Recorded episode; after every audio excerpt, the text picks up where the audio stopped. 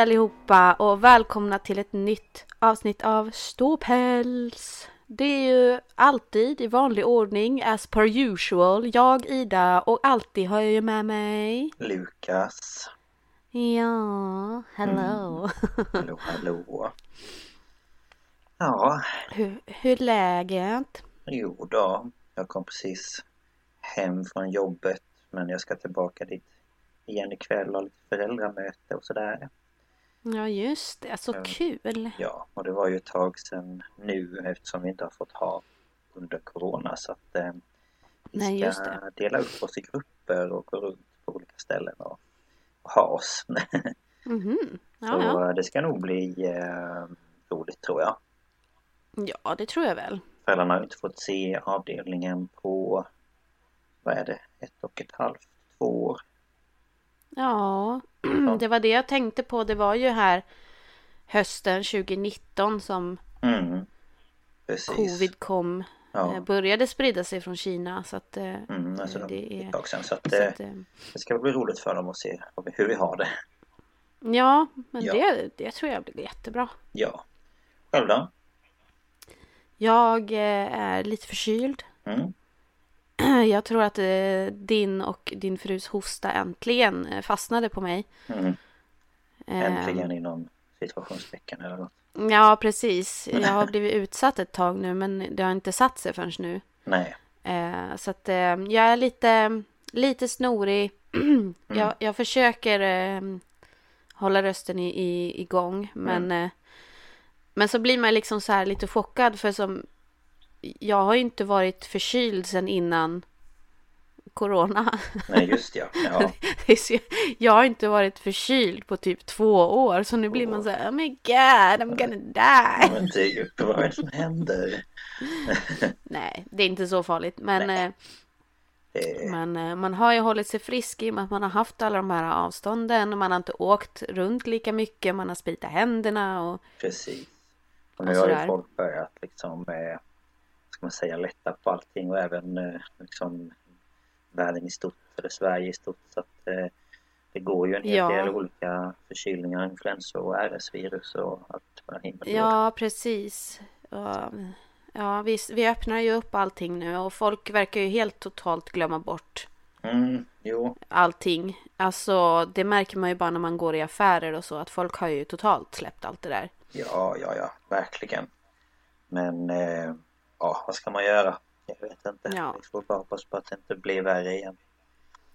Nej, man är ju vaccinerad så att man blir väl, om- man skulle få covid så blir man ju förhoppningsvis inte så himla sjuk. Nej, förhoppningsvis inte. Ehm, Ja, Men eh, ja, eh, passande ämne idag, vårdhistoria. ja precis. Vårdhistoria blir det idag. Jajamän, passar ju alldeles utmärkt. Det passar Ehm, väldigt bra. Mm, kanske mitt ämne passar eh, väldigt bra. Eftersom eh, jag ska ju prata om penicillin. Ja, just ja. Det kan behövas när man är Mm. sjuk. Ja. Eh, Men ska vi köra igång? Ja, det är väl lika bra. Ja. Ja, jag sa ju att jag skulle prata om penicillin. Så Ja. jag har ju valt eh, Fleming och penicillinet. Det var väldigt svårt för mig att, att välja någonting den här veckan. Jag tyckte du sa Det var, så, det var som... Jag var det mellan slemmigt och penicillin. Nej, Fleming och penicillin.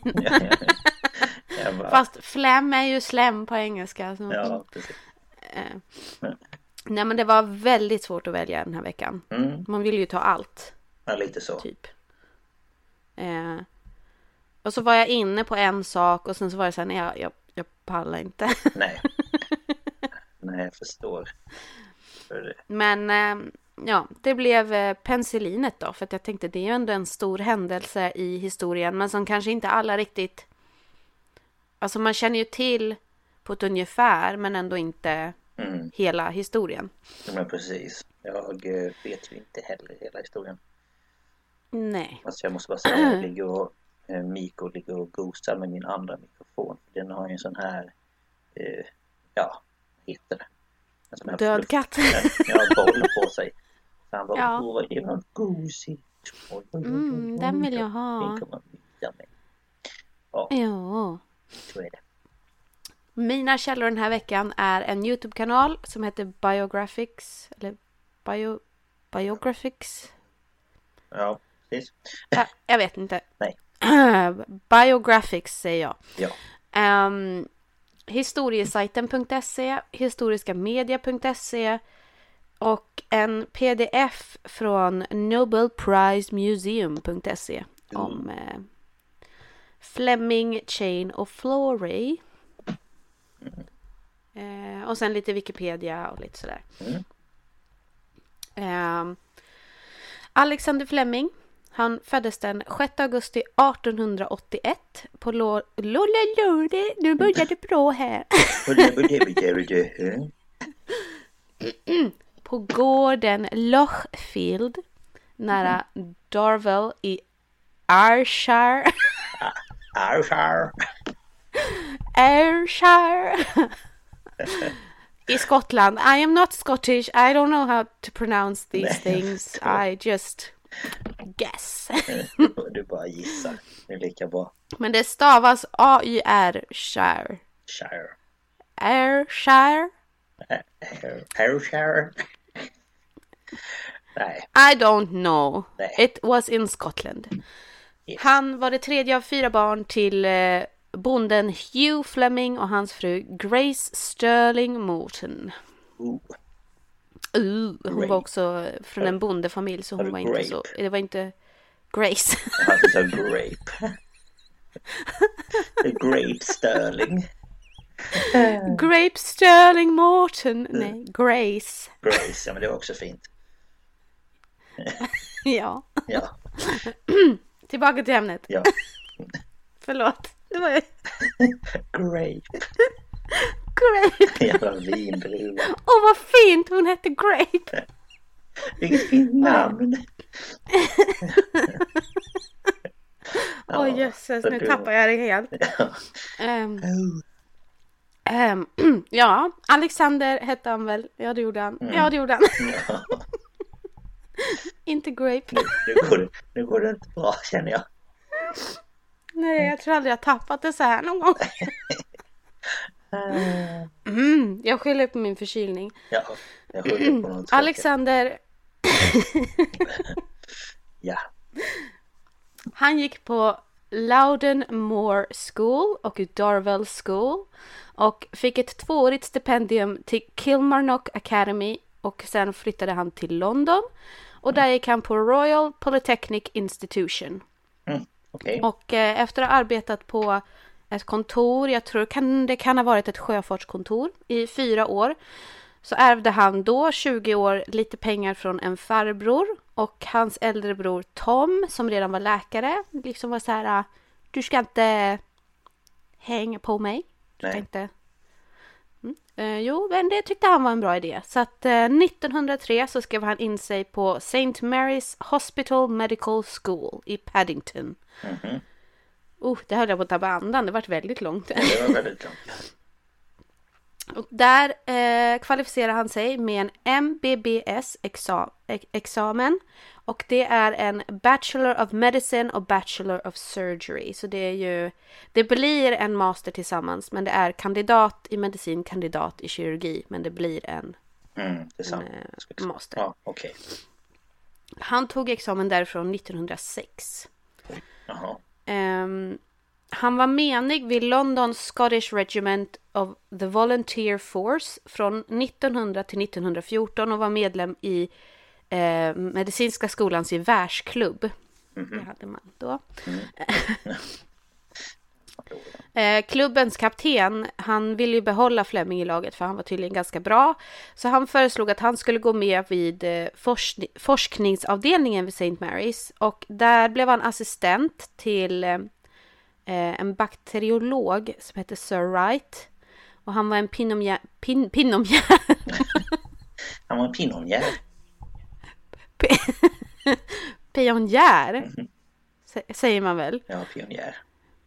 Nej, Ja. Pinomjär, var fan fick jag det ifrån? Ja. Ja. Han var en pionjär inom vaccinbehandling och immunologi. Mm. Eh, och 1908 så fick då Fleming en Bachelor of Science eh, i... Eh, ja, alltså en kandidat i Science. Det, det, är svårt att översätta direkt de här ja, Ehm, ja. ämnena och så. Men, och han fick också en guldmedalj och han då... Hans eh, fokusämne var bakteriologi. Och sen blev han lektor vid St. Mary's eh, fram till ni- 1914. Mm. Okej. Så att han blev kvar där. Mm. Eh, 1914 så blev han då i armén befordrad till löjtnant. Från medig till löjtnant. Och sen 1917 blev han kapten. Mhm. Och han tjänstgjorde i första världskriget vid Royal Army Medical Corps. Eh, och han och hans många olika kollegor jobbade på slagfältssjukhus och sådär vid västfronten i Frankrike. Mm. Och eh, han gick eh, med två eh, andra eh, scientists som hette Leonard Colebrook och så har vi då Sir Almroth Wright som han var assistent till. Mm. Eh, och de eh, ehm, praktiskt taget flyttade hela inokulationsavdelningen på St. Mary's till det brittiska militärsjukhuset i Boulogne-sur-Mer. Mhm. Ehm, så att de flyttade ju liksom då en infektionsavdelning från liksom typ St. Mary's fram till fronten. Mm. Och de bevittnade många soldaters död av sepsis, alltså eh, blodförgiftning, till följd av infekterade sår. Mm. Och den anti- antiseptikan som man använde vid den tiden för att behandla sådana här sår, det såg Alexander Fleming ofta förvärrade skadorna för att antiseptikan funkade bra på ytan. Mm. Men djupare sår, då skyddades de här anaeroba bakterierna från medlet. Och den här, det här medlet tog också bort de bra eh, bakterierna. Så att det, det dödade liksom, på ytan dödade de alla bakterier. Okej. Och det är ju inte bra. Man måste ju ha sina bra bakterier kvar. Ja. ja, men såklart. Det... Eh, och sen, sen var det det att det kunde inte ta sig ner på djupet. Så man dödade de bra bakterierna som jobbade på ytan. Men lämnade de dåliga på djupet. Mm. Eh, och ja, men det hjälpte ju inte så mycket då. Och det såg han. Och det tyckte han var jobbigt att se. Och sen tänkte han det måste ju gå att göra någonting åt det här. Ja. Och eh, 1918 så kommer han tillbaka till St. Mary's Hospital. Och där fortsätter han sina undersökningar av olika bakteriekulturer och antibakteriella ämnen. Mm. Ehm, och eh, hans forskarkollega vid den tiden, han hette V.D. Allison. Han kommer ihåg att Fleming, han var inte direkt så här städad och ordningsam, utan eh, eh, ja, han hade det ganska stökigt. Och eh, han eh, var inte så noga egentligen med sina prover och så, så det, det förväntades alltid att man skulle hitta eh, ovanliga bakterietillväxter i hans de här eh, odlingsplattorna och Mm. Mm. Mm och, och å andra sidan så retade Fleming Allison för att han hade överdriven städning i laboratoriet. Okej. och det här, det här kommer spela, spela roll sen. Mm. Ehm, men i slutet av 1921, medan han höll på att förbereda såna här ag- agarplattor, de här äh, runda, så är det någon slags gelé i. Ja, de man lägger liksom provet i. Ja, precis. Ja. Han höll på att förbereda och undersöka sådana. Då såg han att en av dem var förorenad med bakterier från luften. Mm. Och under tiden här så höll han på att, eh, fråga mig inte hur, det vet man inte riktigt, men han höll på att eh, undersöka eh, de antibakteriella fun- eh, liksom, eh, funktionerna av nässlem. Nässlem. Ja, stor. Oj. Säger jag och snorar. Ja, Ehm, och han såg då att det var ju bakterier i en av de här och då liksom eh, tillsatte han slem Mm. och eh, han såg att det här hämmade bakterietillväxten för att runt slemområdet så var det en tydlig transparent cirkel vilket indikerar en dödszon för bakterier. Så i nästa test så hade han bakterier i en saltlösning som bildade en gul vätska. Och inom två minuter efter att han hade tillsatt då färskt slem så blev den här gula saltlösningen helt klar. Mm. Eh, och han ville då ta det här vidare så han, han testade alltså mänskliga tårar. Jaha. Och eh, det här fick ju hans arbetskamrater då bidra med. Och då sa den här Allison att under de närmsta fem eller sex veckorna var våra, var våra tårar källan till detta extraordinära fenomen. Många var citronerna vi använde efter lökens misslyckande för att producera ett flöde av tårar. Efterfrågan av oss på tårar var så stor att laboratoriepersonal pressades till tjänst och fick tre, gång, tre gånger för varje bidrag. Ja. Så att de fick ju extra betalt för att de grät lite då. Ja. Gott liten skvätt. Ja. Mm. Eh, han gjorde också ytterligare tester med sputum. Det är alltså lungslem, sånt som du hostar upp. Ja, men fy. Mm -mm. Eh, det var brosk, blod, sperma, äggstockscystvätska, var och äggvita. Äggstockningsvätska. Äggstockscystvätska. Jaha. Ja, det låter väldigt Alltså om du har en cysta på äggstocken så tar han vätskan från den. Alltså, hur kom de på detta tänkte jag säga. Men det Nej men jag vet inte. Och äggvita är då vanlig, vanlig äggvita. Jaha. Tänkte att det var från något Ehm, annat. Nej, Nej. jag tror inte det i alla Nej. fall. Men han, det, han upptäckte i alla fall att det fanns ett visst, en viss del av bakteriedödande ämnen i allt det här då. Mm. Och han rapporterade då sin upptäckt inför Medical Research Club i december och inför Royal Society nästa år, men det var inget som, det var ingen som brydde sig i stort sett. Nej, okej. Och i första maj 1922 numret av Proceedings of the Royal Society B, tror jag Jaha. det hette.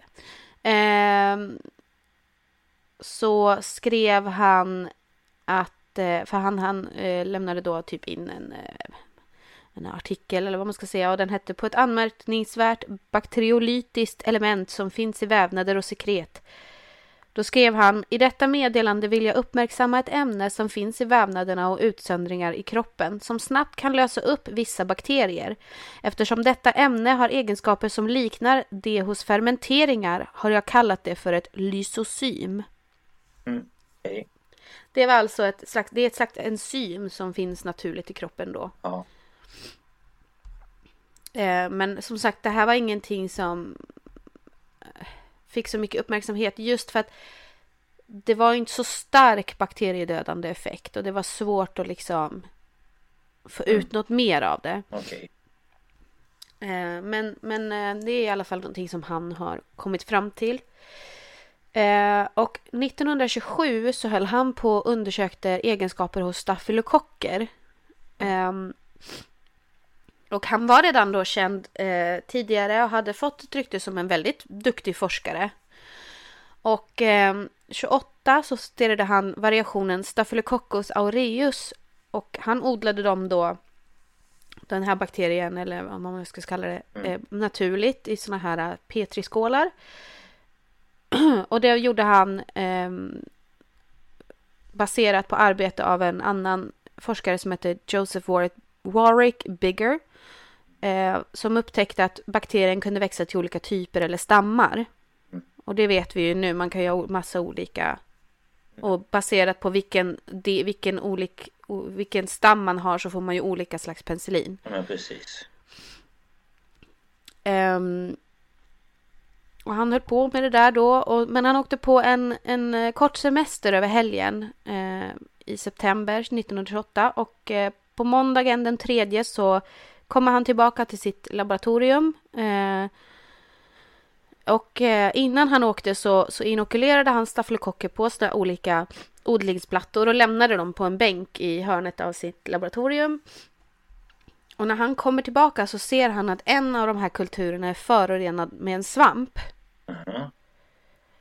Eh, men det han såg också var att kolonierna av stafylokocker som, som var nära den här svampen var, var förstörda.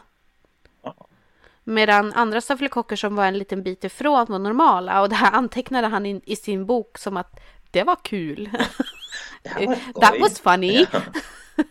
Var. Ehm, Och han visade den här förorenade kulturen för sin tidigare assistent som påminde honom om att det var ju så här upptäckte lysosym. Ja.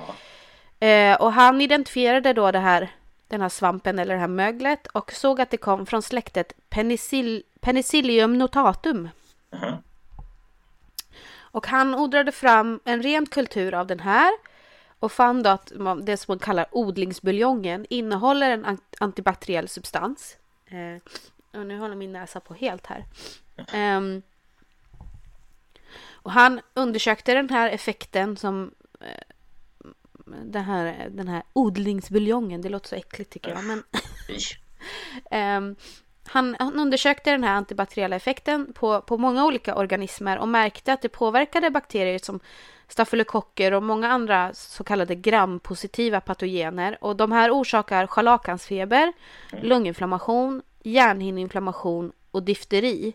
Mm. Men det de inte påverkade var tyfus eller paratyfoidfeber som också orsakats av gramnegativa bakterier. Och det var de han just nu sökte ett, ett, en bot på. Okej.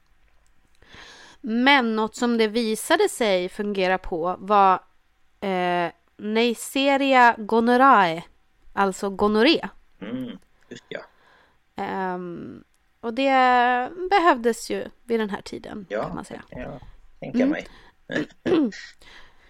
Efter att han under några månader har kallat det här, den här odlingsbuljongen för mögelsaft eller hämmaren så bestämde han den 7 mars 1929 för att kalla det för penicillin eller penicillin om man vill Ja. vara noga.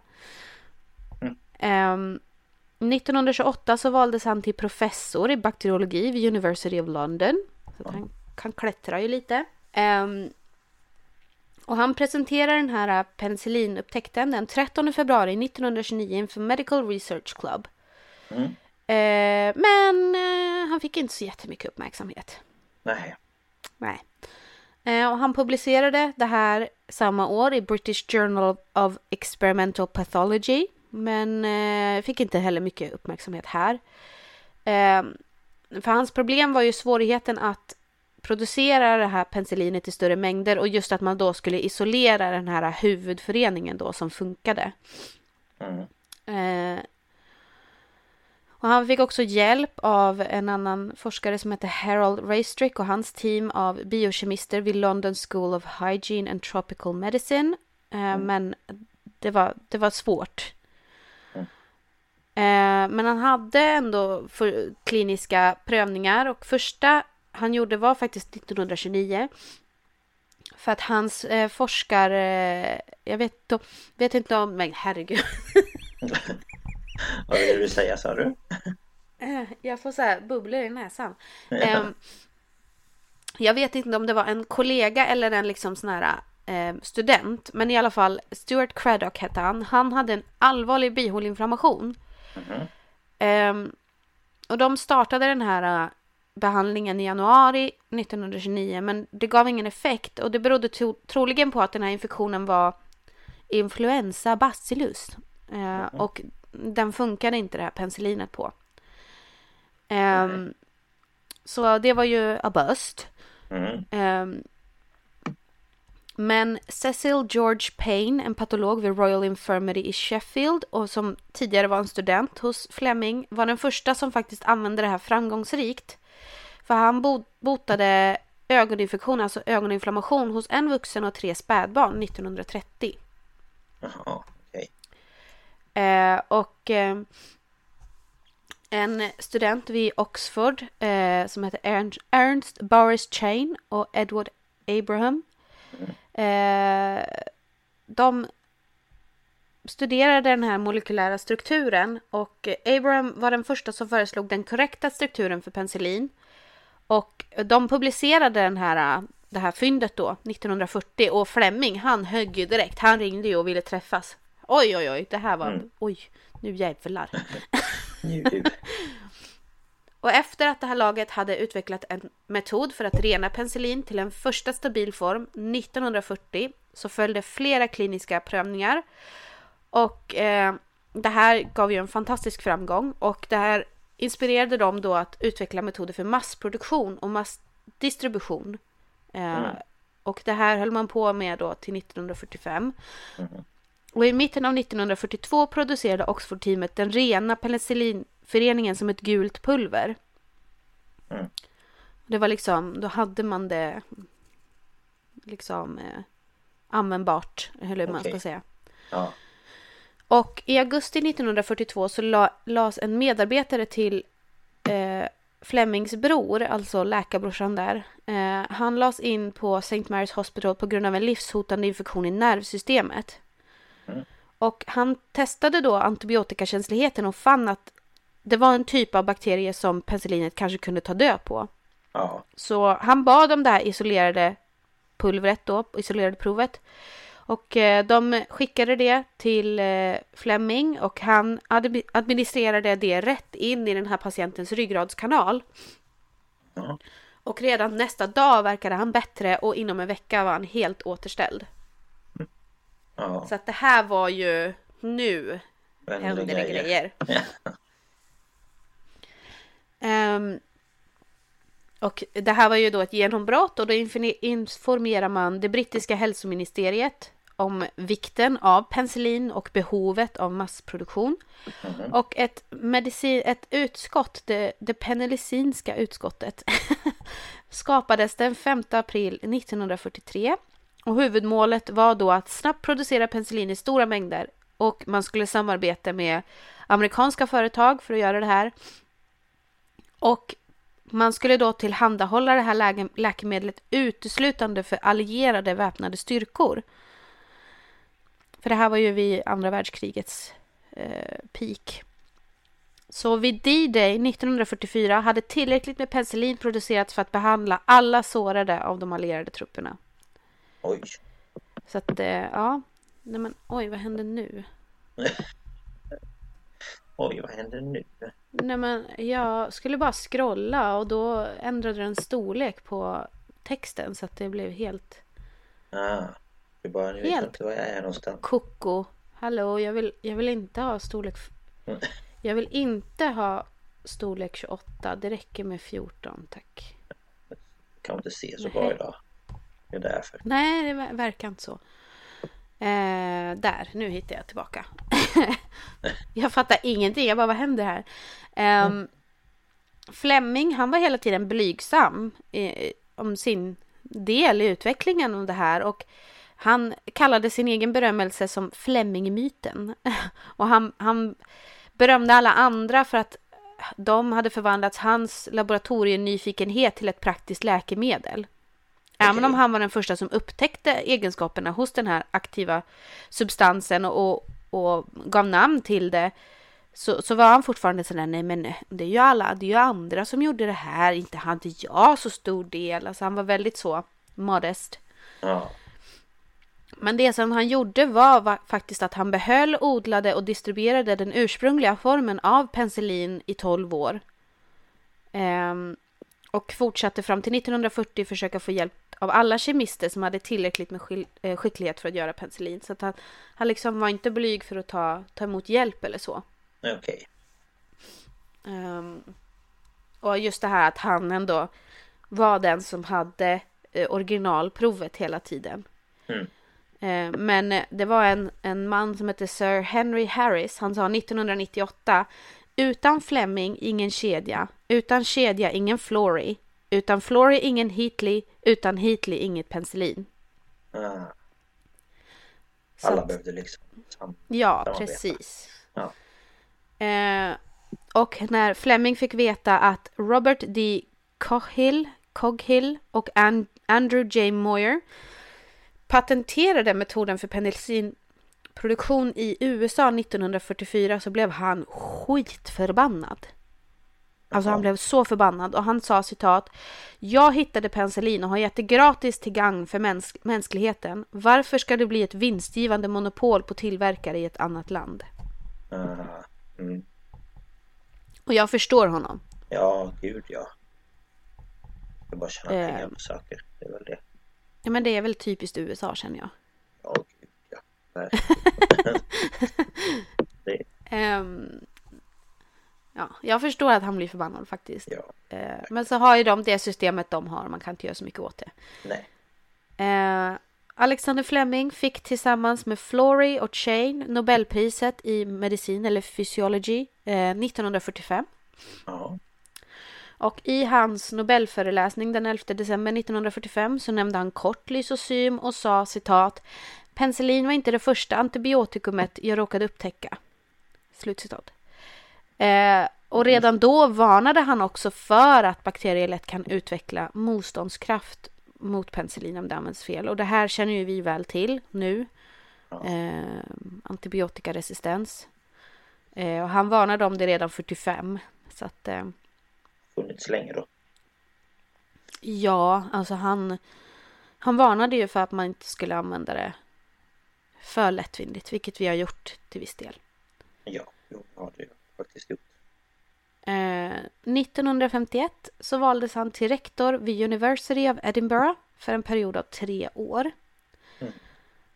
Och den 11 mars 1955 så avled han i sitt hem i London på grund av en hjärtattack. Och hans aska ligger begravd i St. Paul's Cathedral.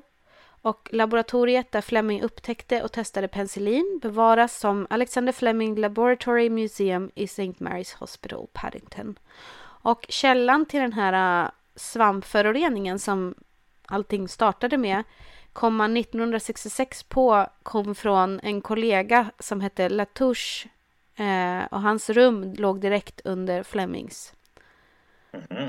Så utan Latouche eller Latouche, hur man nu säger, ingen Ingen Fleming, utan Fleming, ingen bla bla bla, utan bla bla bla, ingen Ja, bla bla bla, ingen penicillin. Just ja. Men det var, det var det jag hade. Jag hoppas att det inte var för eh, rörigt. Jag är, är ju Nej, inte så insatt inte. i det här med, med medicin och så. Nej, men jag tyckte det var, var spännande. Jag... Eh, men alltså man vet ju vad penicillin är, men det är ju ingenting som man liksom undrar hur det kom till. Alltså, Ja, men man har väl hört någonting om att det var en olycka typ. ja. Men, men inte så mycket mer. Nej, precis. Eh, och jag, jag var så här, jag satt och läste, jag bara, alltså han borde ju ha fått eh, Nobelpriset. Och så bara, ja, han fick det. Ja. Man borde ha fått Och det fick han ju av eh, kungens farfar, måste det väl bli. Det, var inte, det är ju inte våran kung som är nu. Nej, Utan det var väl eh, han eh, Vegurra va?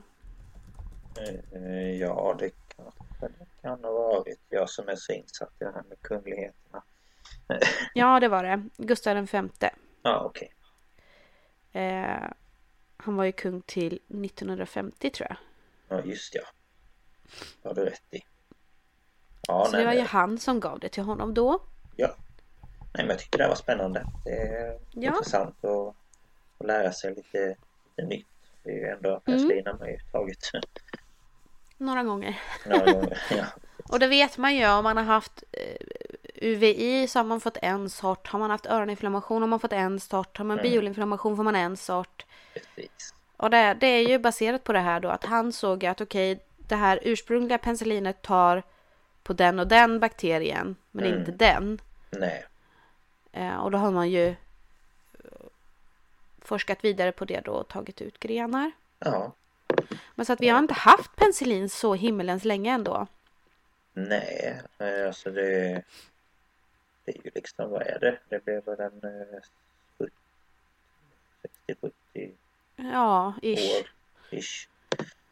Eh, och det som är så tragiskt är att eh, ett ämne som jag hade tänkt att ta först var ju tuberkulos. Mm. Eh, och hade vi haft eh, antibiotika så hade de ju kunnat Mm. bota så många.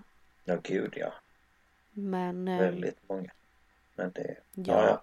Man kan inte tänka bakåt i tiden heller för att då mycket man skulle kunna, Nej. liksom pesten och digerdöden och ja, såklart. Men, men, men när det ändå var så nära, liksom, Ja. det var folk som dog på 30-talet av det och liksom ja, så. ja, men verkligen såklart. Men eh, Så är det.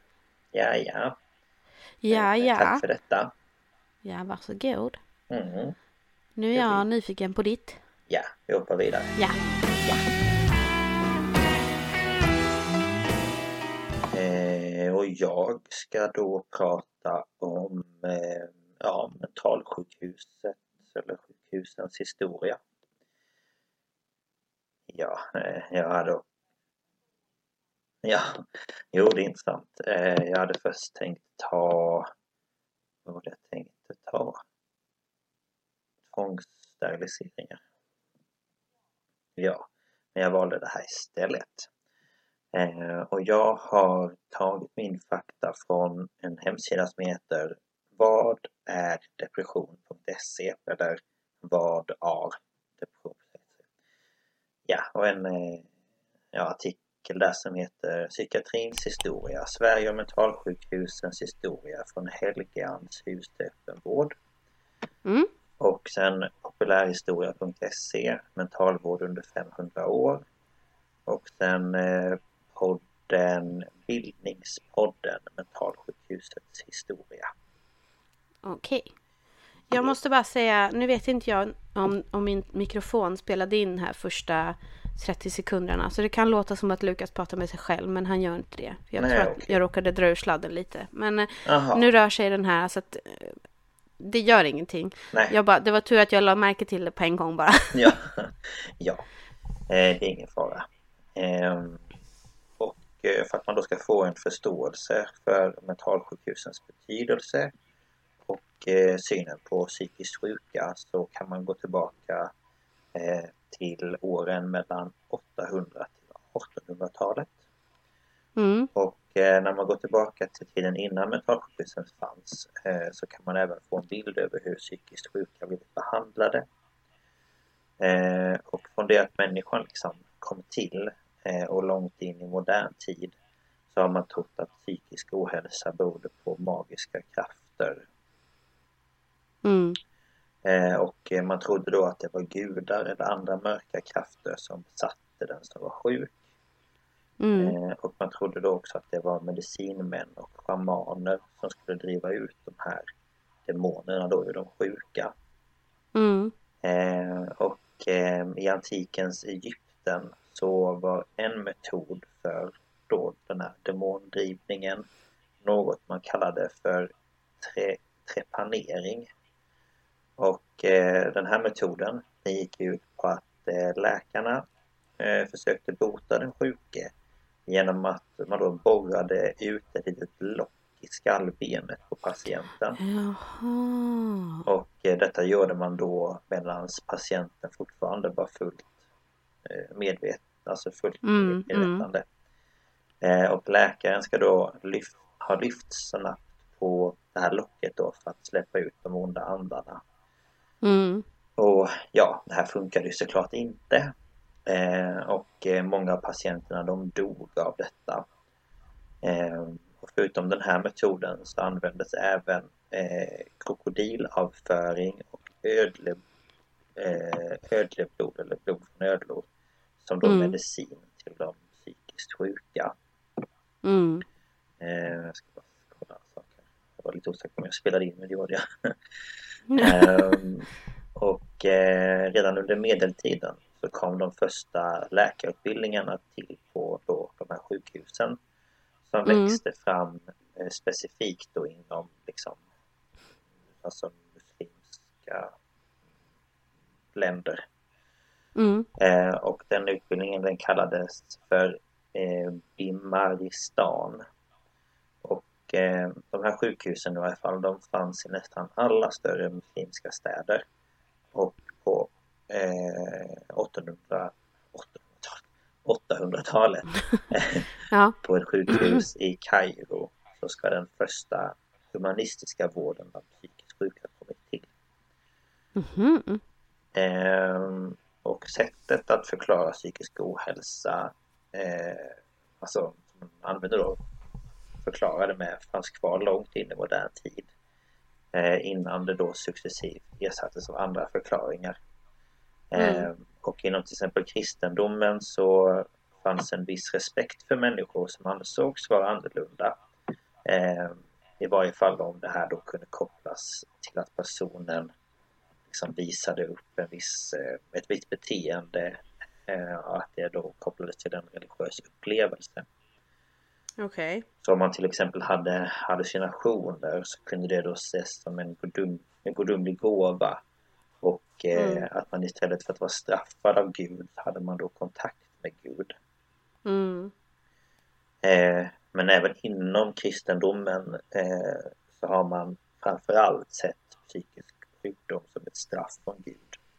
Ja. Och det har då även förekommit sådana här eh, trepaneringar i även kristna samhällen, inte bara inom Mm. ja, Egypten och muslimska länder och sådär. Mm. Ehm, och ehm, under medeltiden så vårdades då de här psykiskt sjuka av sina egna familjemedlemmar inom familjen. Ehm, och eh, om det var allvarliga fall eh, så fick då personen eh, bo på ett eh, Helgeandshus. Mm. Och ett eh, Helgeandshus det var som ett, en så halvreligiös institution.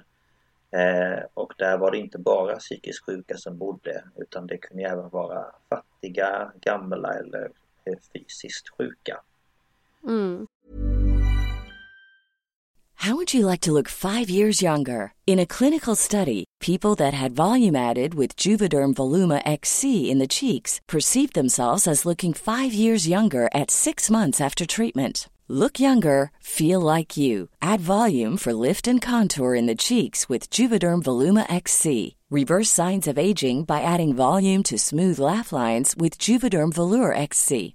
For important safety information and to find a licensed specialist, visit juvederm.com. That's J U V E D E R M.com. Not for people with severe allergic reactions, allergies to lidocaine, or the proteins used in Juvederm. Common side effects include injection site redness, swelling, pain, tenderness, firmness, lumps, bumps, bruising, discoloration, or itching. There's a risk of unintentional injection into a blood vessel, which can cause vision abnormalities, blindness, stroke, temporary scabs, or scarring. Talk to a licensed specialist to find out if it's right for you. How would you like to look five years younger? In a clinical study, people that had volume added with Juvederm Voluma XC in the cheeks perceived themselves as looking five years younger at six months after treatment. Look younger, feel like you. Add volume for lift and contour in the cheeks with Juvederm Voluma XC. Reverse signs of aging by adding volume to smooth laugh lines with Juvederm Volure XC. For important safety information and to find a licensed specialist, visit juvederm.com. That's J U V E D E R M.com. Not for people with severe allergic reactions, allergies to lidocaine, or the proteins used in Juvederm. Common side effects include injection site redness, swelling, pain, tenderness, firmness, lumps, bumps, bruising, discoloration, or itching. There's a risk of unintentional injection into a blood vessel, which can cause vision abnormalities, blindness, stroke, temporary scabs, or scarring. Talk to a licensed specialist to find out if it's right for you. Och eh, Helgans eh, det står för den heliga andes hus och eh, började byggas i Sverige på 1200-talet. Mm. Eh, och eh, under medeltiden så fanns det även hospital.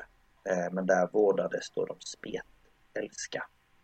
Mm. Just det. Eh, och hur de här helganshusen och hospitalen fungerade det beskrev faktiskt Gustav Vasa i en text från 1533 som hette då, det heter Ordning för Stockholms helganshus och hospital. Mm. Och när antalet spetälska minskade så fick då hospitalen med tiden överta en del då av helganshusens eh, uppgifter. Mhm. Mm. Eh, och eh, så småningom så började man då låsa in psykiskt sjuka på som man då kallade för dårhus. Och de här dårhusen de bestod av ett eller två gemensamma rum och runt de här rummen låg en rad eh, av isoleringsceller där man då låste in de sjuka på livstid. Ja, bra. Ja, eh, och dörren till cellen hade bara en fönsterglugg och utanför så satt det då en vakt som då skulle vakta att den eller ja. Mm. Eh, och eh, vissa psykiskt sjuka de sattes i fängelse eh, med brottslingar eh, alltså andra brottslingar då liksom. Mm. Eller så eh, ja, men tryckte man ner dem i så här mörka underjordiska hålor. Eh, Mm. Och eh, de som då var liksom oroliga, som man idag kan liksom här, ha ångest, eh, eh, problematik och sånt, de eh, kedjades fast runt armarna och benen för att de inte skulle liksom röra på sig för mycket. Mm. Ehm, och eh, För det mildrar ju ångest liksom. men, men verkligen, man blir fastspänd. Det är inte så att min ångest blir bättre för det liksom. Nej men precis. Eh, ja, det är galet. Eh, och fortfarande idag så är det faktiskt många psykiskt sjuka, eh, till exempel Indonesien, som fastkedjas. Eh, och de liksom undanstuvas på det här sättet. Och eh, enligt indonesiska myndigheter är det hela 18 800 psykiska, psykiskt sjuka människor som blev instängda eller fastkedjade än idag. Usch. Fy fan alltså. Eh, så att eh, synen där har inte ändrats så mycket på några Nej. hundra år. Eller hundratals år menar jag. Mm. Ehm, Ja, Vissa delar av världen ligger ju lite efter. Ja, gud ja. Verkligen. Eh, och vid mitten av eh, 1700-talet så började man uppföra lasarett för de eh, fysiskt sjuka. Och det i sin Mm. tur gjorde då att hospitalen eh, till stor del eh, började då fyllas av personer som då benämndes som dårar. Eller Mm. sinnessjuka. Eller sinnesslöa, gud allt man kallar Ja, dem. precis. Eh, och främst då så handlar det om att spärra in de här människorna och då avskilja dem från eh, det övriga samhället. Som man Mm. då tidigare hade hanterat dem med spetälska. Mm. Och man menar också på att när själva den här spetälskan i princip försvann från Sverige så var det då istället de sinnessjuka som blev samhällets utstötta. Mm. Ehm, och även den tidens eh, medicinska auktoriteter, däribland eh, Carl von Linné. Eh, han intresserade sig för sinnessjukdomarnas natur och uppkomst. Och eh, han skrev, eh, eller han beskrev då tre huvudsakliga typer av, eh, på latinska, morbi mentales. Eh, Mm. eller sinnessjukdom. Och då fanns det Mm. det första, vilket var sjukdomar som drabbade tankeförmågan. Det andra, inbillade sjukdomar. Och det sista, affektbetonade sjukdomar som hemsjuka och ängslan. Mm. Och ehm, eh, de här helgan, Helgeandshusen, de blev med tiden också dårhus eller hospital. Vilket i princip då var samma sak. Men ja, Mm. Eh, och eh, i eh, historien då kring det här så ses oftast den här tiden runt sekelskiftet, alltså då runt 1800 1800-talet, eh, som en brytpunkt för synen då på psykisk sjukdom. Mm. Eh, för från och med nu så blev det medicinska perspektivet liksom mer dominerande. Eh, Ja. och från att då att de här personerna hade sett som besatta eller syndiga eller sämre människor så började man liksom sakta men säkert se psykisk ohälsa som då sjukdomar som gick att bota i de flesta fall. Ja. Och eh, enligt en stadga då eh, från 1823 så skulle de sjuka till exempel inte längre kallas dårar utan för patienter. Ja, just det.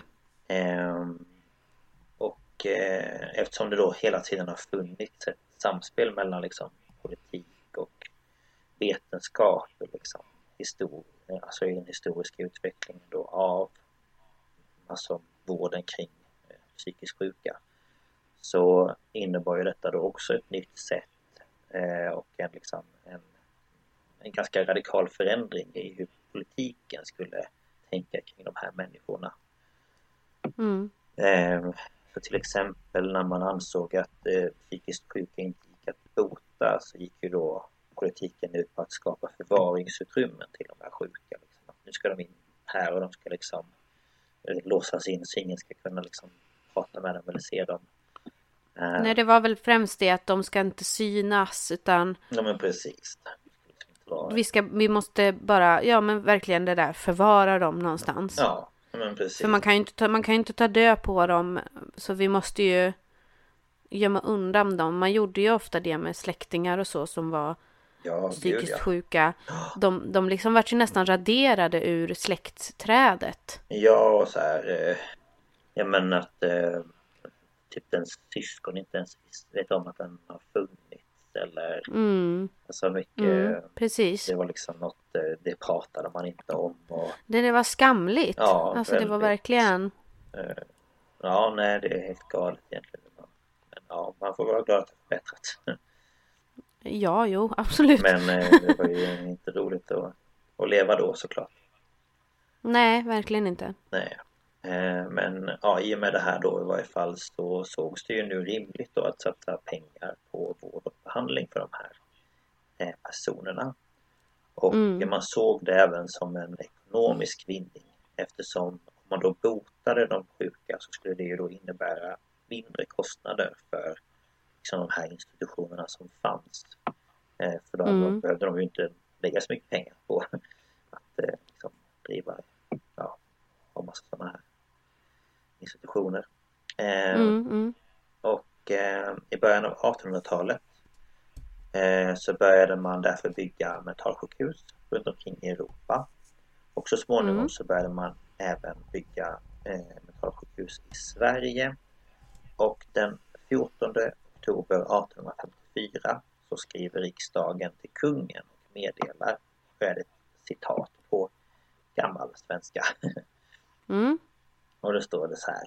Huru som erfarenheten ådalagt det en mängd sinnessjuke kunde till hälsan återställas om de erhölle den särskilda behandling som deras sjukdoms tillstånd påkallade och om åtgärder vidtoges att åt så beskaffade sjuke bereda möjligheten av en egen synnerlig vård. Men att ernående av ett sådant hospitalsinrättningarnas huvudsyftemål eller det sjukes botande förhindrades därigenom att de gamla författningarna rörande hospitalväsendet i riket hitintills i det närmaste blivit oförändrade så att hospitalerna ännu, liksom i början av deras inrättande, vore att anse mera såsom försörjningsinrättningar för obotliga och fattiga än såsom läkeanstalter för sinnessjuka. Mm. Ehm, och efter det här meddelandet till, eh, tillsatte kungen en eh, expertgrupp som då skulle utreda detta. Mm. Eh, och eh, detta i sin tur eh, låg då som grund för en kunglig stadga som kom år 1858 och handlade då om behandling och vård av psykiskt sjuka i Sverige. Och Mhm. det här var den första stadgan som handlade om psykisk ohälsa i sin helhet. Mm. Men man hade redan eh, tjuvstartat utvecklingen lite eh, år 1855 genom att bygga Konradsberg, vilket då räknas som det första riktiga mentalsjukhuset i Sverige. Mhm. Och i Sverige så fanns sedan tidigare Landvikens hospital i Stockholm och Vadstena hospital. Och där Mm. hade man då försökt behandla de psykiskt sjuka patienterna. Men eh, ja, man är inte helt överens om när man då gick från dårhus till mentalsjukhus. Men den moderna vården kom till början av 1800-talet. Mm. Ehm, Men trots då att man började bygga alla de här mentalsjukhusen så betyder det inte att det blev bättre för de sjuka. nu då? Vad är det? Nu blev det sådär tyst igen. Är jag tyst? Så, nu spelar den in igen. Ja. Förstår får lära klippa lite. så. Ja, jag Nej, men göra jag det, vet- men det är jättekonstigt. Jag vet inte. Jag vet inte om det är på mitt håll eller på ditt håll. Nej, jag vet inte.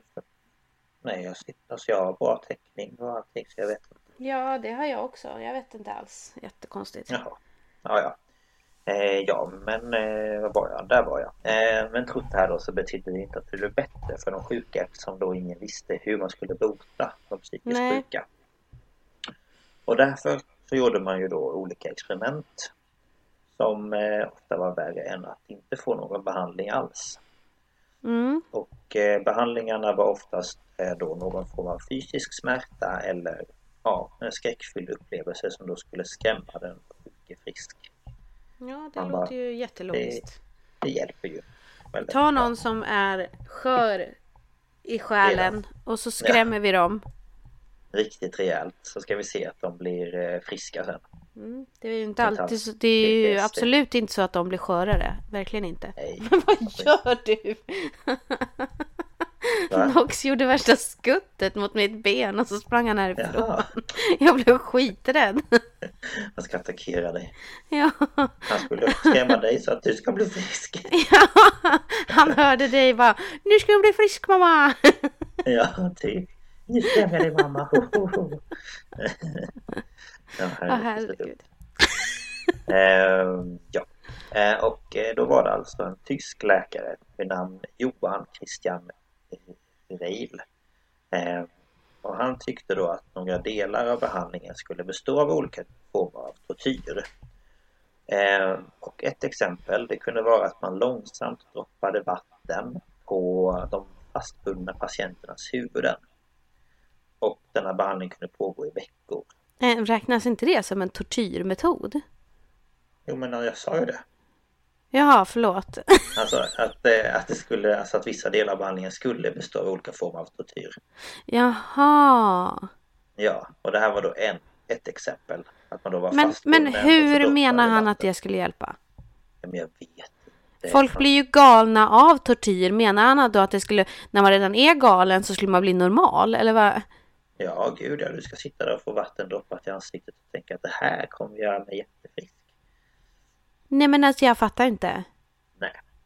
Eh, sen fanns det ett annat, eh, en annan behandling som hade med vatten att göra och eh, det var att man då med ett kraftigt tryck skulle spruta vatten på patienternas huvud. Jag Ja, tänker det typ som en brandslangs, alltså lite så. ja högtryckstvätten Ja. bara. Rakt på huvudet. Ja, ja, gud det hjälper ju. Det är ju inte traumatiserande överhuvudtaget. Nej. Och det här är väl helt fantastiskt nästa metod. Det var att man skulle placera olika likdelar. Till exempel avhuggna fingrar på ställen där patienterna skulle hitta dem. Nej! jo. Att man till exempel skulle lägga några fingrar i patienternas typ fickor eller sådär. Och bara oj men gud här var ett avhugg. Nej men vad i helvete. Ja, det var väl trevligt. Nej men alltså. Eh. Nej, nej, så gör, va? Men grejen är Nej. att jag, jag gillar att allt det här som de gör. Det är typ så här, men man skulle ju typ få PTSD av det här känner jag. Ja, man, man hamnar ju på psyket av de här grejerna. Ja, jag vet. Eh, sen en annan metod var att eh, väktarna de skulle klä sig i djurpälsar under nätterna då för att springa runt och sprida skräck sovsalarna. Men herregud, alltså Ja, jag får fan ryck. Vad är det här? Vad, vad, vad, vad? ja. Det känns ju inte ens som att det är såhär åh, scientific studies, åh, scientific, åh. Utan det känns ju bara lite- som att de ska vara jävliga. ja. Här tar jag min lilla björnfäll och klär i mig och så springer jag ut och skrämmer alla. Och så skrämmer jag de stackars psykiskt sjuka människorna. Ja. Ehm, eh, sen en till metod som jag hade krävts av flera gånger om. eh, den kom till eh, Sverige i början av 1800-talet och det var den så kallade svängmaskinen. Och eh, det man gjorde då var att man band fast patienten i en stol eller en säng eh, som då med hjälp av ett kugghjul och drivremmar kunde roteras i rummet i väldigt hög hastighet. Nej. Och en ensam vakt kunde få den här grejen att snurra med mer än 100 varv i minuten. Nej.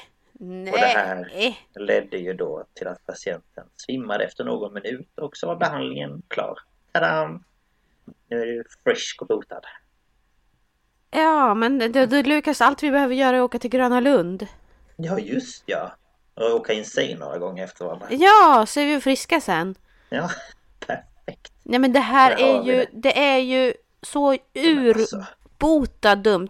Alltså, fattade de, hör- när de pratar om det här, när de hade det mötet, gruppmötet. Du, jag funderar på att bara slunga dem runt i rummet jättefort. Och de bara ja! det låter jättebra. Så, så, så, så svimmar de och sen när de vaknar så bara, nu är jag inte sjuk. Nej, Alltså va, var, vem kläckte fram den här idén? Baserat på vad? Och varför? Oh my god! Alltså, Jag, får, mm, jag blir så frustrerad. liksom- Ja, men tänk dig ligga i en säng som roteras runt, runt, runt, runt, runt med 100 varv i minuten. Det låter ju som sån här äh, träning för astronauter när de skickas runt, runt, runt. Ja, men typ. Alltså, nej men det är helt galet. Nej men alltså, och så så här. Åh, nu har vi gjort det här på 40 pers. Då alla svimmar och alla fortfarande är sjuka, men vi fortsätter. Ja, För det funkar. Alltså, jättebra. Alltså, jag vet inte. nej men alltså jag tänker ju bara på, på en själv som har ångest och depression och sådär. Det här skulle man ju alltså behövt gå igenom. Ja. Det är liksom Alltså, så här, Man hade Det ju här- tappat förståndet helt och blivit en sån här som sitter i ett hörn och skrattar och gungar fram och tillbaka. ja. Jag vet inte hur de tänkte. Ingen aning. Alltså det är, det är ju så dumt. Alltså så här, nej men vi tar likfingrar och så gömmer vi dem och när de hittar dem så bara Surprise! Nu är du frisk! Ja, men det är Wow. vissa då i varje fall som menar att de här liksom sadistiska metoderna att det inte var liksom ett uttryck för alltså ett förakt mot de här människorna. Då. Nej men det är det jag menar. Det måste ju ha varit på rent djävulskap. Eh, Ja, precis. Men man menar på att istället handlade om vanmakt. Alltså att man, man visste inte vad man skulle göra och då provade man de här sjuka behandlingarna. liksom. Herregud, det måste ju ha funnits hundra miljontals andra idéer som hade varit mindre traumatiska att prova. Typ, sätt dig ner och prata med människan. Ja, men typ. Vad, vad, vad är det som har hänt? Vad, Varför vill du försöka berätta varför du mår så här? vad, Nej, okej, då slä, vi slänggungan för dig då. ja, och du får droppa i ansiktet. Nej men alltså det är... Jag fattar att man inte visste hur man skulle hjälpa dem, men de måste ju fatta själva. Alltså, en frisk människa hade ju för fan inte mått bättre av allt det där. Men gud. Varför skulle då en sjuk människa må bättre av det? Men det vet man ju med, det här med eh, experiment med musik och sånt. När folk blir typ instängda i ett rum och ska lyssna på samma låt i en vecka. Alltså man får Ja. ju psykbryta så Jag menar alltså man får ju psykbryta mindre liksom. ja. Eh, ja men verkligen. Men det som liksom folk, eller de som jobbade på de här ställena, de märkte ju liksom att ingenting bet på de här Nej. sjuka människorna. Och eh, i då frustration så försökte man då med ännu mer brutala metoder för att man liksom skulle, ja, banka vett Men- i dem eller hur Ja men man, det. man trodde väl fortfarande på något sätt att man styrde över sitt mående själv. Ja, precis. Att man hade satt sig där själv och om man då skrämde dem tillräckligt så skulle de skärpa sig på något vis. Ja, men lite så. Det var väl, var väl det, det man, man vände sig till liksom. Mm. Men, men eh, det är ju inte alltid man bestämmer själv. Eh, nej. Eh, men det, vi hade ju då en eh, pionjär inom den svenska psykiatrin Mm. som eh, hämtade hem då influenser från ja, kontinenten och eh, moderniserade psykiatrin. Och det var eh, läkaren Georg Engström. Mhm. Och under första halvan av 1800-talet så var han eh, starkt bidragande till det som sedan kom att bli en mer humanistisk modell för vården av sinnessjuka i Sverige. Okej. Och eh, Georg Engström då föddes 1795 i Kvillinge socken i Östergötland. Mhm. Och eh, han kom från en eh, prästfamilj och var själv troende men valde att bli apotekarlärling och sedan ja, läkare. Och eh, 1823 så blev han kurhusläkare i Vadstena och senare hospitalläkare vid Vadstena hospital 1826 och där stannade han i 20 år Mm. och eh, han blev på så vis Sveriges första heltidsanställde psykiatriker på en, ja, över, ja, överhuvudtaget. Liksom. Mm. Mm. Och eh, år 1833 så åkte han till Danmark och Tyskland och Och där hittade han då inspiration till hur mentalsjukhusen i Sverige skulle utformas. Och eh, han var framförallt väldigt imponerad över de natursköna lägena och den rena luften och de fina parkerna som sjukhusen då hade att erbjuda. Ja. Eh, så när han kom tillbaka till Sverige så började han göra om eh, Vadstena hospital. Och eh, gårdarna de fick ett mer parkliknande utseende med så här promenadstråk och grejer. Och eh, patienterna de fick även eh, olika sysselsättningar som att hugga ved, de skulle sköta parken och om du var Mm. kvinna så fick du sy och baka. Och hans tanke var då att patienterna då skulle må bra av att arbeta. Ja, och det här med parker och det att det skulle vara en slags lugnande miljö liksom. Precis. Och det kan Och vi ju se här vara- i Uppsala, eh, Ulleråkers eh, hospital och asyl. Ja, Där den håller de ju på, de håller ju på återställer hospitalparken Precis. eh, nedanför Ludellska skolan. Ja, Eh, ska Den de ju återställa så att den ser ut som den gjorde när eh, den delen av sjukhuset fortfarande var igång. precis. Eh, Och där, har du ju, där är det ju mycket Där finns ju ett museum nu och sen är det många företag som jobbar där och sen är det ju Mm. bostäder Mm, som de har gjort om de här eh, byggnaderna med. Ehm, så ja, det kan man ju se här också att de eh, jobbade mycket med naturen och eh, de eh, patienterna skulle liksom jobba och hålla sig sysselsatta. Ja men det var ju som, vi har ju läst mycket om eh, Ultuna Mm. eh, just för eh, ja, men vi är intresserade då sådär. Och då Ja. var det ju det där att det var ju som ett självförsörjande samhälle utanför samhället. De Ja, hade ju ja. allt. De hade ju bagare, de hade ju slaktare, de hade bokbinderi och borstbinderi och allt sånt. Vävstuga Ja, ja, ja. och Det fanns ju en egen eh, kvarn, alltså med damm och kvarn och de eh, jag menar alltså de Ja. gjorde verkligen allt. Och jag tror Ja. att det var väldigt Odlade. bra. De fick en Ja. mening liksom. Ja men det vet man ju alltså. Det kan man ju känna själv om man inte mår bra. Om man, alltså om man gör någonting, det kan bara vara något litet. Alltså då Mm. man bättre för man kan tänka på lite annat. och, Ja, Mm. lite så. Eh, Mm. Och i Sverige eh, år 1860 så fanns det ungefär 1000 intagna mentalpatienter. Och på bara 40 år så nästan femdubblades det, det här antalet till drygt eh, 4600 personer. Mm. Och då började även mentalsjukhus byggas i Stockholm, Göteborg, Nyköping, Växjö, Härnösand, Kristinehamn, Piteå och Uppsala. Mm. Just det, jag kom på att det är inte Ultuna, det heter ju Ulleråker. Ja, Ulleråker. Jag råkade säga Ultuna, det är nära. Men det är Ulleråker, Ulleråkers Ulleråker. hospital och asyl. Precis. Ja, Jag kom på att jag var tvungen att rätta mig själv där. Oj jösses, Ja. nu råkade jag slå till min mikrofon. Det Går det dig? jättebra för mig idag. Ja, Fortsätt. Ja. Eh, under andra hälften av 1800-talet så blev även, även psykiatri, äh, psykiatri menar jag, ett obligatoriskt inslag i läkarutbildningen. Mm. Och eh, det i sin tur gjorde att man kunde föra offentlig statistik över sjukdomar och över patienterna då som fanns på de här sjukhusen. Mm.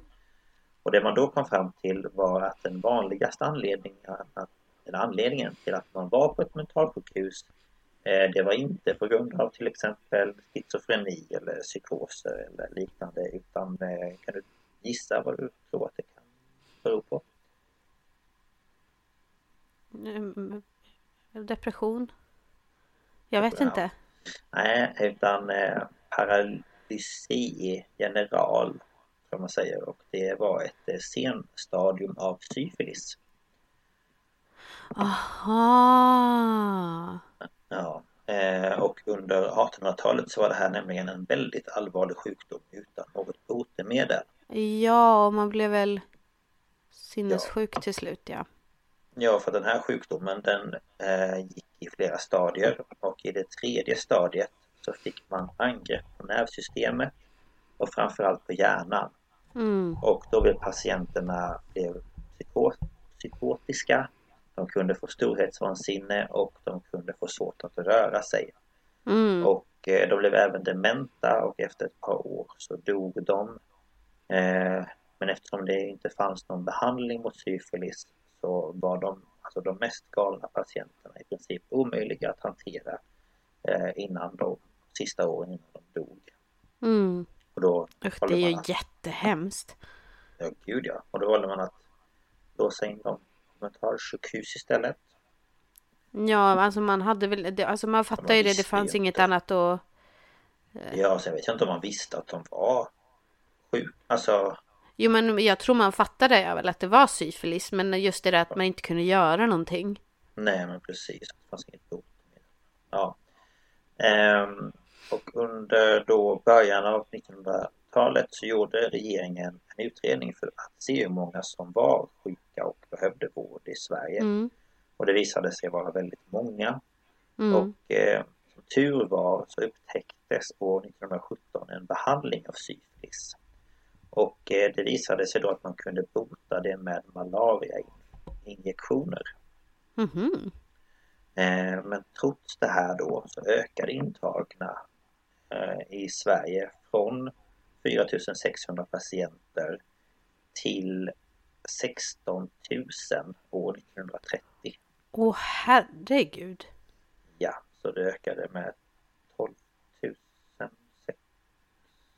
600 någonting, jag vet inte. 200. Nej, Åh 12 herregud. 400. Ja. Ehm, och eh, det var bland annat under den här perioden då som det ökända mentalsjukhuset i Säter byggdes. ja, just det. Mm. Ja, och det här var då ett sjukhus som under 50-talet hade plats för nästan 1600 intagna. Mm. Och det som var lite roligt, eller vad man nu säger, det var att Säter i sig vid den här tiden hade ungefär 2500 invånare. Mm. Så det var liksom, ja inte nästan lika många men det var ju väldigt nära varandra. Som Mm. bodde där och sen i övriga samhället. Mm. Ehm, och eh, det byggdes även flera mentalsjukhus under de här decennierna då. Och eh, det var eh, Restas sjukhus i Vänersborg, Sankta Gertruds sjukhus i Västervik, Sundby sjukhus i Strängnäs och Sankta Maria sjukhus i Helsingborg. Mm. Och eh, i början av 1900-talet så hade man tagit bort eh, de värsta behandlingarna och började då vårda patienterna med frisk luft, renlighet, mat och vila. Mm. Vilket låter mm, lite bättre än, Lite bättre ja. än tidigare. Eh, men vissa behandlingar fanns, fanns ju dock då som till exempel opium och barbiturater. Och det Mm. är ett slags ångestdämpande medicin som kom innan bensodiazepiner. Mm.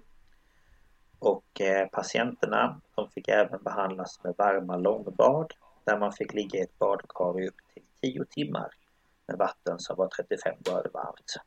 Mm. Och ibland så kunde även en eh, duk läggas över badkaret då för att tvinga patienten kvar i badkaret. Mm. Och eh, på 1930-talet så kom även elbehandlingar, insulinchocker och eh, lobotomier. Mm. Och eh, elbehandlingarna eller ja, som man kan även säga ECT-behandlingarna är egentligen den enda av de här tre som fortfarande finns kvar. För att använder man ju alltså i väldigt få fall men att det har väl en god effekt vid liksom eh, ja, jag vet att en eh, som jag säga, gick i en grupp med förut hade fått det för sin bipolära sjukdom och ja, Mm. Ehm, eh, och även om eh, eh, Jo, och även förutom det så finns även en väldigt ovanlig form av lobotomi eh, kvar som kallas kapsulotomi. Och den utförs på ungefär ett tiotal patienter om året i Sverige. Mhm. Eh, Mm. Men eh, alltså, ja. Och elbehandling används, eh, ja det sa jag, framför- framförallt vid svåra depressioner och det är en väldigt effektiv metod. Men Mm. nu, nu sövs man ju såklart och man får även muskelavslappnande medel innan så ut som man gör det liksom när man är, är vaken. Nej, nej. Eh, och lobotomi, det kan man väl säga är en historia i sig. Eh, det finns väldigt mycket fakta om detta så att det är ingenting som jag kommer ta upp så jättemycket men att eh, det är ett väldigt mörkt kapitel i svensk psykiatrihistoria och mm. eh, lobotomi då skar man liksom visserligen bort galenskapen och ångesten men patienterna de blev ju helt avtrubbade och likgiltiga. Och, ja, man, man tog ju bort allt som var en person. Ja men precis. Och dödligheten av själva ingreppet var ju väldigt hög. Eh, och mellan slutet av 30-talet och början av 60-talet så lobotomerades ungefär 4500 svenskar innan mm. de här upphörde. Mm. Och eh, det är ju ingenting som har gjorts efter det här från myndigheternas håll. Att Nej. stoppa de här ingreppen trots att man visste att folk dog av det. Eh, ja, och många anhöriga vet jag ju liksom hörde av sig och bara, men hallå min bror är ju ingenting nu, vad har ni gjort liksom? Eller min man liksom ja. helt, jag har tagit bort honom från mig liksom.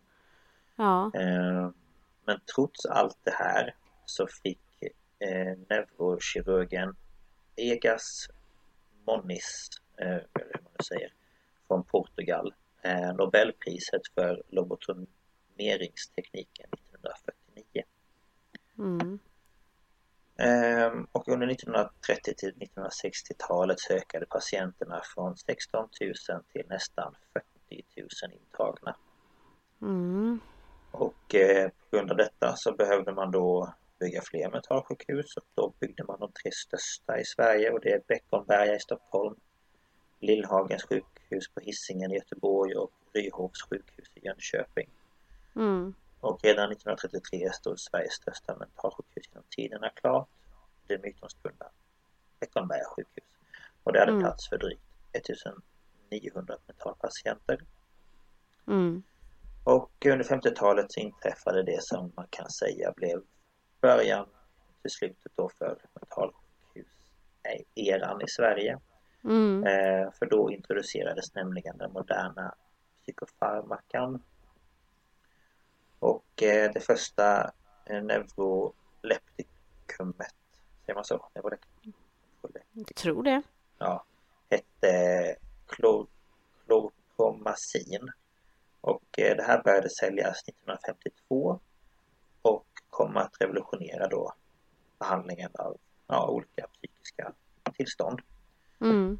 Och kort efter neuroleptikan så kom även de första moderna antidepressiva medicinerna substansen imipramin introducerades ett par år efter chlorpromazin mm. och eh, det var också tänkt som ett eh, neuroleptikum men det visade sig dock att det inte hade någon effekt på psykoser och eh, eh, själva läkemedelsföretaget hade då tänkt dumpa det här läkemedlet.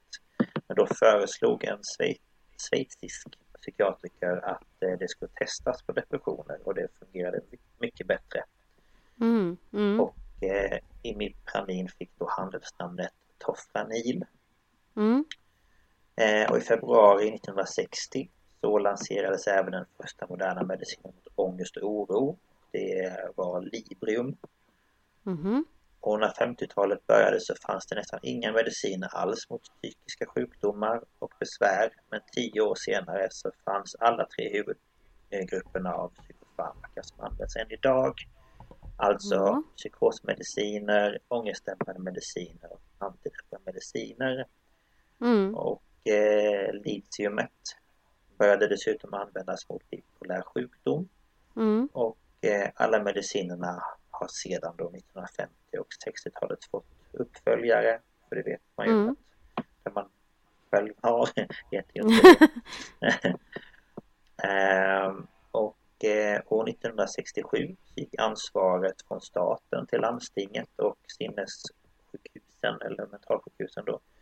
Eh, ja just det, jag bytte namn till mentalsjukhus. Eh, och vid den här tiden så fanns det 36 000 platser inom psykiatrin. Mm. Eh, men det dröjde dock lite längre innan mentalsjukhusen ersattes av psykiatriska kliniker vid då allmänna sjukhus. Mm. Och eh, det gigantiska Beckomberga det var ett av sjukhusen som stängdes ner sist av alla. Och det Mm. stängdes ner 1995. Mm. Och de vårdplatser som existerar i psykiatrin idag eh, de finns alltså inte längre vid mentalsjukhusen. Utan då är det speciella då psykiatriska kliniker då. Mm. Och eh, beroende på hur man räknar så finns det idag någonstans mellan 3000 till 6000 vårdplatser eh, kvar då av de här 40 000. Mm. Eh, och av de här vårdplatserna så består eh, 1500 eh, av den slutna rättspsykiatrin. Och resten är Mm. då fördelad på ja, landets alla eh, sjuk, alltså psykiskt sjuka människor. Liksom. Mm. Mm. Eh, så att, eh, ja, det var det. Ja, det är väldigt intressant detta. Ja, Eh, och Jag visste ju att jag bara väntade på att du skulle nä- nä- nämna Beckomberga för jag visste att det var stort och att det höll på väldigt sent. Det är ju det folk refererar till Beckis. ja precis. Det är ju Beckomberga. Ja. Så att, Ehm. eh, ja, Nej men så, alltså jag tycker det, det, är, det är jätteintressant det här. mm. Men ändå så är det så fruktansvärt hemskt. Ja men det är ju liksom eh, Sen är det ju så svårt också att sätta sig in i människor för flera hundra år sedan för jag menar eh, Om man nu tänkte att personen var besatt av demoner och man skulle försöka driva ut dem på något sätt och man hade liksom inga ord eller liksom Mm. sätt att förstå att den här människan mådde liksom dåligt i själen. Alltså Mm. eh, i liksom eh, i alltså att det var liksom någonting annat än bara det så eh, det ju jättesvårt att veta vad, man skulle ta sig till men de metoderna de kom på var ju alltså det var ju inte så De var ju uppenbarligen värdelösa. Alltså, Ja, ingen blev ju botad av det och de som blev botade av det det var ju de som från början inte var psykiskt sjuka. nej men precis. Det hade ju varit bättre att bara låta dem vara. Nej men typ. Låt dem vara hemma hos sina familjer istället eller vad vet jag. Jaha, nej. Men, Men det är eh, det, det som jag brukar säga till det, det är lite skräckblandad förtjusning. Alltså man mår fruktansvärt dåligt av att höra hur människor blir behandlade. ja, Men ändå är det intressant och på sätt och vis är det ju viktigt att man håller den här kunskapen vid liv om hur det faktiskt var förr. ja gud ja. Att man inte liksom sopar undan det och bara, men nu är det bättre. Ja men precis, nu är det ingen fara. Och så är det ju med mycket sjukvård. Alltså att man, man måste tänka på att det var inte bra på en gång. Nej, verkligen inte. Och att det, det känns viktigt att man tar upp det och liksom Ja, lite där med hur medicinerna kom till och mm, att eh, att allt sånt vi tar för givet inte alltid har varit så liksom. nej men precis. Jag menar, det skulle kunna vara så att mediciner fanns nu heller och då hade man ju bara Mm. fått jobba med det som gör att man mår då, alltså på ett helt annat Ja. sätt. Ja, precis. Så Nej men eh, tack för Ja. detta och det går ju, finns ju sätt att gå djupare i det här ämnet och det kommer vi säkert göra vid senare tillfälle. ja, det tror jag alldeles säkert. Det fanns många fler behandlingsmetoder och grejer också. Men Ja, det finns massa hål man kan gräva sig ner i. ja, gud ja. Så är det. Men eh, hoppas ni gillade det här avsnittet. Eh, Mm. Och eh, vill du ge dem lite information? Ja. Vill ni ta kontakt med oss eh, via mail så kan ni skicka mail till staphalspodcast gmail.com. Eh, ni kan också följa oss på Instagram. Där heter vi staphalspodcast och där har ni också våran mail står. Och där går det ju jättebra att skriva meddelande om man vill det och eh, gilla, följa, allt sånt. Ja, Eh, det är nog det lättaste. ja. Det är det. tror jag. Eh, men eh, det var allt vi hade för idag. Mm. Eh, fråga mig inte vad det blir för ämne nästa vecka för det har jag glömt. Det har jag också glömt så det får bli en liten överraskning. Eh, ja, då får jag. ni hålla er. Ja. Men eh, ta hand om er så hörs vi. Ja, det gör vi. Ja, Hej då! Hej då!